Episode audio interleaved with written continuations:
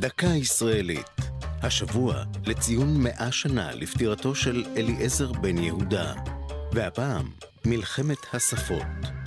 ארץ ישראל ידעה מלחמות על אדמות ומלחמות דת, אך בשנת 1913 פרצה בארץ מלחמה שונה לגמרי, מלחמה על השפה.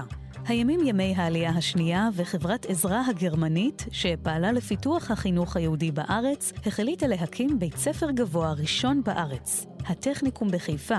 זה המוסד שלימים ייקרא הטכניון.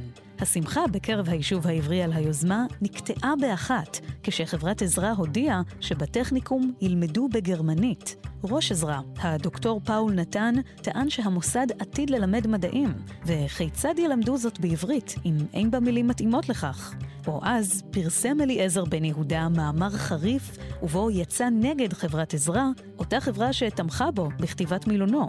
בתור מחבר המילון ללשון העברית, כתב, יש לי הזכות יותר מאשר לכל אדם זולתי להוציא משפט אם אפשר ללמד מדעים בעברית או לא, והנני מצהיר בזה לימוד מדעי אפשרי בעברית. כשחשו ראשי עזרא שהעוינות כלפיהם גדלה, נכנעו. העברית ניצחה. זו הייתה דקה ישראלית על אליעזר בן יהודה ומלחמת השפות. כתבה אחינועם קפון. ייעוץ הפרופסור מרגלית שילה. ייעוץ לשוני הדוקטור אבשלום קור.